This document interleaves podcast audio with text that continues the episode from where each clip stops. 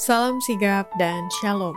Renungan kita pada hari ini, Selasa 19 Januari 2021, berjudul Ia lebih kuat dan lebih berkuasa dari seteru kita. Ayat intinya terdapat di dalam Mazmur 24 ayat 8. Siapakah itu Raja Kemuliaan? Tuhan, jaya dan perkasa. Tuhan, perkasa dalam peperangan. Pena Inspirasi menjelaskan bagaimana sikap kita menghormati dan percaya judul renungan kita pagi ini bahwa ia lebih kuat dan lebih berkuasa dari seteru kita sehubungan dengan status kita sebagai putra-putri Allah adalah sebagai berikut. Pertama, didiklah pikiran kita sebagai putra-putri Allah untuk mempercayai firman Allah, gantinya ragu-ragu atau sanksi karena ia lebih kuat dan lebih berkuasa dari seteru kita. Dengan mengambil posisi keraguan-raguan, seseorang memanggil agen-agen setan untuk membantunya. Tetapi satu-satunya pengharapan dari orang yang sudah dididik dalam ketidakpercayaan akan jatuh tak berdaya pada juru selamat dan layaknya seorang anak menyerahkan jalan dan kemauannya kepada Kristus agar dia dapat dikeluarkan dari kegelapan kepada terangnya yang ajaib. Manusia tidak berkuasa melepaskan diri dari jerat setan, dia yang mendidik dirinya dalam keraguan-raguan, kesangsian, dan sifat suka mengecam akan bersih teguh dalam ketidaksetiaan.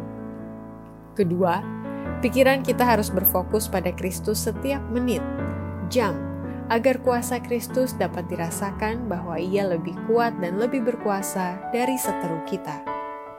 Kita harus hidup bagi Kristus setiap menit, setiap jam, dari hari ke hari. Kemudian Kristus akan tinggal di dalam kita, dan ketika kita bertemu, kasihnya akan berkuasa di dalam hati kita, terpancar seperti mata air di padang belantara, menyegarkan semua orang dan merangsang orang yang akan binasa untuk meminum air kehidupan itu. Ketiga, Kristus lebih kuat dan lebih berkuasa dari seteru kita karena roh Kristus selalu bekerja dalam hati nurani setiap orang percaya.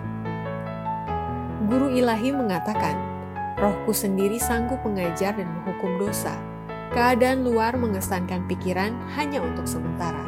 Aku akan menjalankan kebenaran dalam hati nurani mereka, dan mereka akan menjadi saksiku di seluruh dunia dan menegaskan tuntutanku atas waktu, uang, dan intelek manusia itu sendiri.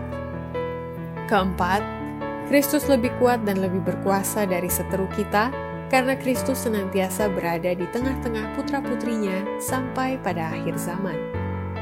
Haluan umat Tuhan haruslah ke atas dan ke depan menuju kemenangan. Seorang yang lebih besar dari Yosua sedang memimpin pasukan Israel. Dia berada di tengah-tengah kita, bahkan kapten keselamatan kita yang membangkitkan semangat kita dengan perkataan, dan ketahuilah, aku menyertai kamu senantiasa sampai kepada akhir zaman tetapi kuatkanlah hatimu, aku telah mengalahkan dunia. Dia akan memimpin kita sampai mendapat kemenangan. Apa yang dijanjikan Allah, dia sanggup melaksanakannya. Dia sanggup melaksanakan pekerjaan yang diberikannya kepada umatnya melalui mereka. Demikianlah renungan kita pada hari ini, kiranya Tuhan memberkati kita semua.